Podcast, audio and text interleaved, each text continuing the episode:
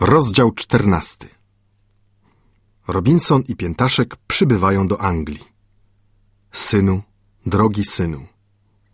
Robinson zostaje przedsiębiorcą okrętowym i otrzymuje pomyślne wieści o stanie swych plantacji w Brazylii. Udaje się w podróż i przybywa na wyspę. Robinson spotyka Hiszpana, a Piętaszek swego starego ojca. Co zaszło na wyspie w ciągu lat dziesięciu? Odjazd Robinsona. Zakończenie. Po długiej podróży przybyłem do Londynu dnia 11 czerwca roku pańskiego 1687. Stanąłem po 35-letniej nieobecności znowu na ziemi ojczystej wraz z piętaszkiem, którego ruch i życie tutejsze wprawiło w takie osłupienie, że nie mógł wyrzec słowa. Po upływie połowy ludzkiego żywota znalazłem się z powrotem w kraju cywilizowanym, pośród równych sobie w ludnym mieście. A jednak jakże obcy się poczułem tutaj. Wysokie budynki i ciasne ulice dławiły mnie i niepokoiły, a w sercu tętniło ponadto trwożne pytanie, czy zastanę jeszcze przy życiu ojca i matkę. Rychło znalazłem statek pobrzeżny, który nas obu zawiózł do Hal, skąd ruszyliśmy karetką pocztową do mego rodzinnego Jorku. Wydało mi się tu bardziej jeszcze obco niż w Londynie. Nie zmieniły co prawda postaci stare ulice i domy, ale z okien spoglądały obce twarze na podstarzałego człowieka, który kroczył wraz z czarnym towarzyszem po kamienistym bruku, tak jakby nie nawykł doń wcale. Spotykałem samych nieznanych ludzi i dziwiło mnie to bardzo. Spodziewałem się zastać tu rówieśników swoich – a zapomniałem całkiem, iż ci młodzi ongiś ludzie dziś liczą lat pięćdziesiąt pięć i chylą się ku starości. W końcu stanąłem przed znanym dobrze domem. Piętaszku, powiedziałem wzruszony, kładąc dłoń na klamce. Tutaj mieszkał ongiś ojciec mój. Czy ojciec żyć jeszcze? spytał z cicha, składając ręce. Głos wewnętrzny powiada mi, odparłem, że Bóg raczy nam użyczyć radości powitania się jeszcze tu na ziemi. To rzekłszy, otwarłem drzwi i wszedłem. W wąskiej sieni stały te same stare szafy. Ta sama woń przepajała wszystko, to też uczułem się na nowo dzieckiem, młodzieńcem. W izbie mieszkalnej tykał głośno powoli znany mi dobrze zegar wahadłowy – Słyszałem go doskonale przez zamknięte drzwi. Bezwiednie chwyciłem ramię mego towarzysza. Zdjęliśmy kapelusze. Otworzyłem cicho, całkiem cicho. Nikt się nie odezwał. Przekroczyłem próg. Zgrzybiały starzec o śnieżnych włosach siedział w fotelu o wysokich poręczach. Na szmer kroków naszych podniósł głowę. Nie wiem, kim jesteś, czcigodny panie, rzekł głosem słabym, niepewnym, starczym, ale witam cię uprzejmie. Proszę usiądź pan. Zaraz nadejdzie córka moja i spyta, czym panu możemy służyć. Przystąpiłem doń i ukląkłem. Nie znasz mnie, panie? Spytałem, ujmując jego dłoń. Nie, nie znam Odparł patrząc w mą brodatą twarz. Oczy mi osłabły całkiem, ale mimo to wydaje mi się, żem cię ongiś wydywał, panie. Któż jesteś? Nie mogąc wytrzymać, wybuchnąłem płaczem. Gdzież się to podziała córka moja? mruknął starzec. Uspokójcież się, drogi panie, dodał. Jeśli cię spotkało nieszczęście, a będę w stanie dopomóc, to uczynię to jak najchętniej. Córka moja zaraz wróci i rozmówi się z panem. Nie spotkało mnie wcale żadne nieszczęście, odparłem. Przeciwnie, Bóg obdarował mnie tym wielkim szczęściem, że mogę cię jeszcze widzieć, drogi ojcze mój. Czyż mnie naprawdę nie poznajesz, ojcze? Jestem Robinson, syn twój. Starzec wyprostował się i spojrzał uważnie. Wielka radość zabłysła w jego na poły zagasłych oczach. Potem podniósł drżące ramiona, otoczył mą szyję i przycisnął mnie do piersi. Synu mój, zawołał. Syn utracony wrócił. Chwała bądź Bogu przedwiecznemu. O, teraz już zaprawdę mogę lec spokojnie w grobie. Szczęsny to był dzień. Ojciec trzymał mnie ciągle przy sobie i nie puszczał mojej ręki z dłoni. Radość siostry mojej była też wielka, a niebawem dom zaroił się sąsiadami i dawnymi znajomymi, którzy przybiegli chcąc zobaczyć odzyskanego Robinsona i jego czarnego towarzysza. Poczciwy piętaszek był bardzo uradowany szczęściem swego pana i zaczął opowiadać wszystko w sposób tak komiczny, że cały dom zawrzał niezmierną wesołością. A śmiał się nawet nieraz serdecznie sędziwy ojciec, który liczył obecnie 69 lat. Matka moja zmarła już przed dwudziestu laty, ale jak mi powiedział ojciec, udzieliła na łożu śmierci błogosławieństwa synowi. Całe tygodnie zbiegły na szczegółowym opowiadaniu dziejów mego życia i przygód, a zacny ojciec słuchał z wielką uwagą. To też każdą wolną chwilę spędzałem u boku jego, opowiadając, jak to Bóg miłosierny ochronił mnie przed dzikimi i zastawił mi stół obfity wśród bezludnej pustyni. Zdarzyło się tak szczęśliwie, że mogłem przystąpić jako wspólnik do pewnego przedsiębiorstwa okrętowego w Hal, którą to sposobność pochwyciłem z radością. Właściciele okrętu, którym ocaliłem kapitana, a tym samym statek i cały jego ładunek, ofiarowali mi w darze 200 funtów szterlingów. Przyjąłem chętnie pieniądze, gdyż moje środki materialne były ograniczone, a musiałem dbać nie tylko o przyszłość własną, ale także mego zacnego towarzysza. Przez kilka jednak tylko miesięcy dane mi było osładzać ostatnie chwile drogiego ojca mego, którego Bóg rychło powołał do siebie. Spuściznę oddałem w całości osamotnionej teraz siostrze.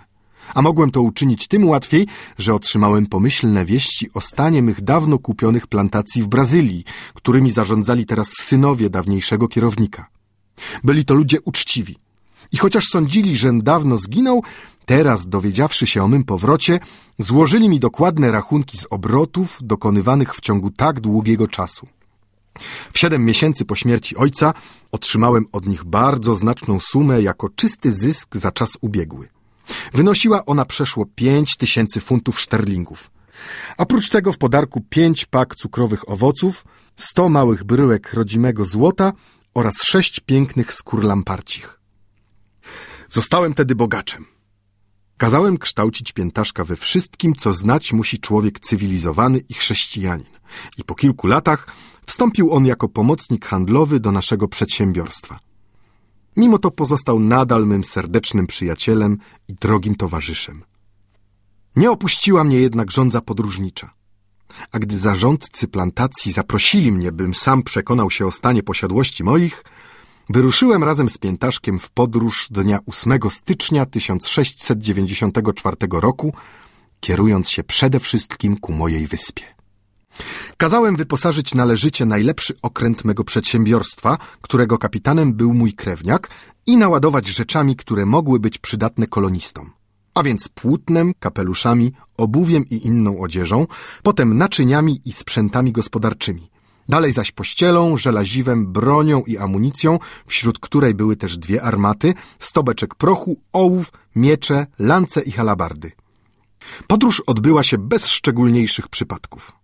Pomyślny wiatr pędził nas przez Atlantyk i prędzej niż się spodziewać było można, zarzuciliśmy kotwicę u wybrzeża wyspy, tuż przy ujściu rzeczki, niemal pod progiem mego dawnego mieszkania. Przywołałem z kajuty piętaszka i spytałem, czy wie, co to za ląd. Spojrzał, potem zaś zaczął klaskać w dłonie i wołać. O wiem! Tu! Tu! Tu! Wyciągnął rękę w stronę góry, pod którą znajdowała się forteca, gdzieśmy mieszkali tak długo. Zaraz potem zaczął tańczyć i skakać, jakby był jeszcze dzikim. Z trudem wstrzymałem go, by nie skoczył z pokładu i nie dotarł w pław do wyspy. Czy sądzisz, że zastaniemy tam ludzi? spytałem. Czy spodziewasz się zastać ojca swego? Milczał przez chwilę i łzy mu przysłoniły oczy. O nie, powiedział. Nie zastanę pewnie ojca mego. Umarł niezawodnie. Był już wówczas zgrzybiałym starcem. Wszakże mój ojciec był jeszcze starszy, a zastałem go w pełnym zdrowiu. Nie martw się przed czasem. Czy widzisz kogo na wybrzeżu?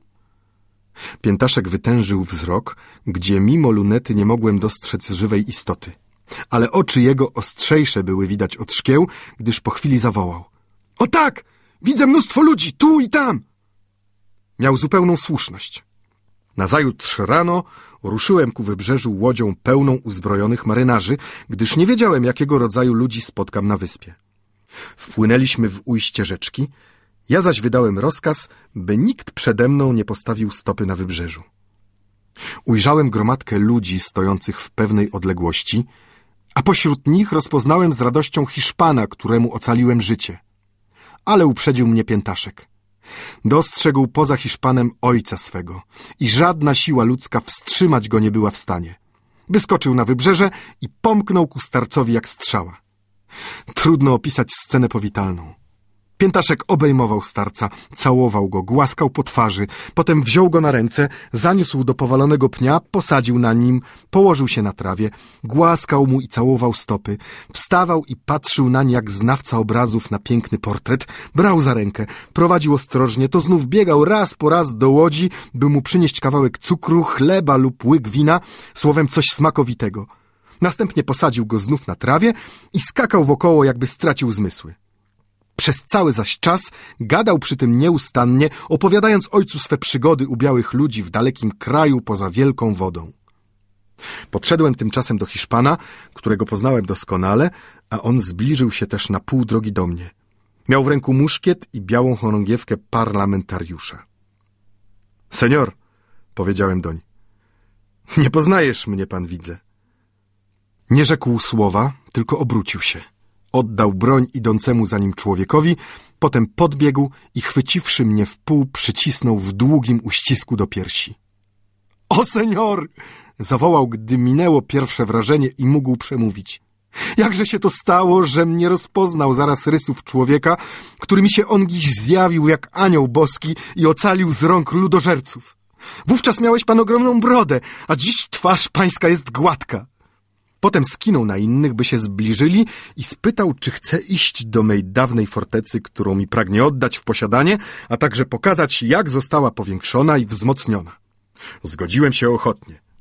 Nie mogłem jednak poznać tego miejsca. Hiszpanie nasadzili tak gęsto drzew, że forteca była zgoła niedostępna temu, kto by nie znał tajnych ścieżek i przesmyków.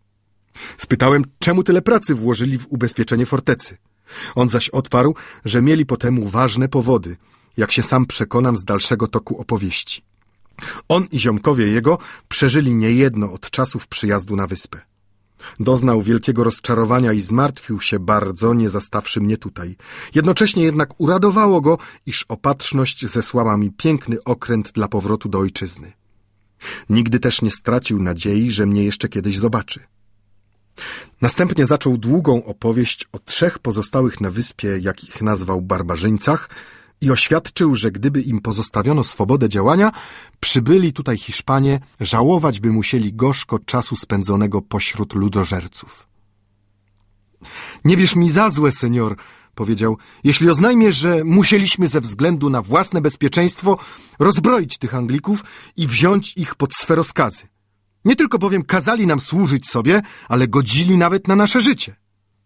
Odparłem, że wyjeżdżając obawiałem się sam czegoś podobnego.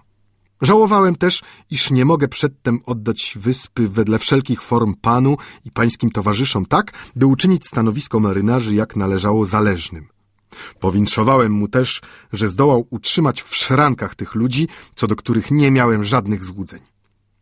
Tymczasem przyszła reszta Hiszpanów celem powitania mnie i zauważyłem, iż są to ludzie nader grzeczni, o zachowaniu obyczajnym i pełnym godności, jakie się nie zawsze spotyka nawet w najbardziej wykształconych sferach Anglii. Okręt stał u wybrzeżu przez dni dwadzieścia pięć. Wraz z Piętaszkiem mieszkałem w swojej fortecy, słuchając sprawozdań kolonistów, robiąc wycieczki w różne miejsca mej dawnej posiadłości i oglądając osady Hiszpanów i Anglików.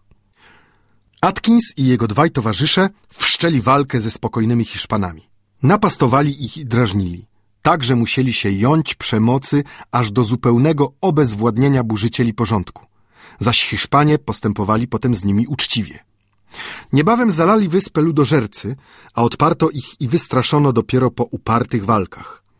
Następnie pojechało pięciu kolonistów na stały ląd i przywieźli jedenastu czerwonoskórych mężczyzn i pięć kobiet.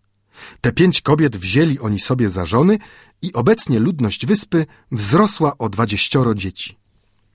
Przeżycia i przygody kolonistów w ciągu tych lat dziesięciu były tak liczne i urozmaicone, że można by o tym napisać książkę obszerniejszą jeszcze niż niniejsza.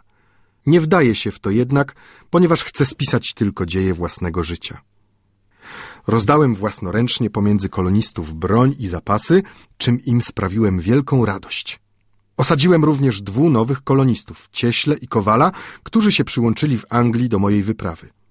Potem rozdzieliłem całą zdatną pod uwagę przestrzeń na określone części i osadziłem na nich każdego kolonistę z osobna, stosownie do życzeń i potrzeb, jakie który wyraził. Zachowałem sobie jednak prawo własności całej wyspy. Atkins i towarzysze jego stali się z biegiem czasu ludźmi statecznymi i rozsądnymi. Przewaga Hiszpanów wyszła im na korzyść, a spokojne usposobienie i obyczajne ich życie oddziałały w końcu na zdziczałych marynarzy. Dałem Atkinsowi Biblię, którą przyjął ze szczerą wdzięcznością. Posłałem mu potem i towarzyszom jego z Anglii kilka byków, krów i świń, które się rychło bardzo rozmnożyły. Nadszedł czas rozstania. Zebrałem raz jeszcze wkoło siebie mieszkańców wyspy, zaleciłem im, by żyli bogobojnie i pracowali wytrwale, a potem pożegnałem się z nimi. Piętaszek nie chciał się jednak rozstawać z ojcem, Także musiałem zezwolić, by zacny ten chłopak zabrał starca do Anglii, gdzie, jak sądził, mieszkać muszą bogowie. Ale los zaoszczędził mu tego rozczarowania. Zmarł w drodze. Znalazł swój grób w oceanie, a kochający syn żałował go długo. Opuściłem wyspę ze smutkiem, a jednak radowała mnie świadomość, że postąpiłem z jej mieszkańcami jak przystało człowiekowi i chrześcijaninowi. Dzień odjazdu przypadł na 6 maja 1694 roku. Skierowaliśmy się ku południu, do Brazylii, gdzie znalazłem plantacje moje w pełni rozkwitu. Pod koniec roku wróciłem do ojczyzny. Tutaj, jak sądzę, dożyję reszty dni żywota mego. Sądząc po licznych siwych nitkach we włosach mego piętaszka oraz innych oznakach, Widzę, że jestem starcem, który stoi już niedaleko bram wieczności. Tam to właśnie skieruję się w ostatniej mojej podróży. Koniec. Czytał Wiktor Korzeniewski.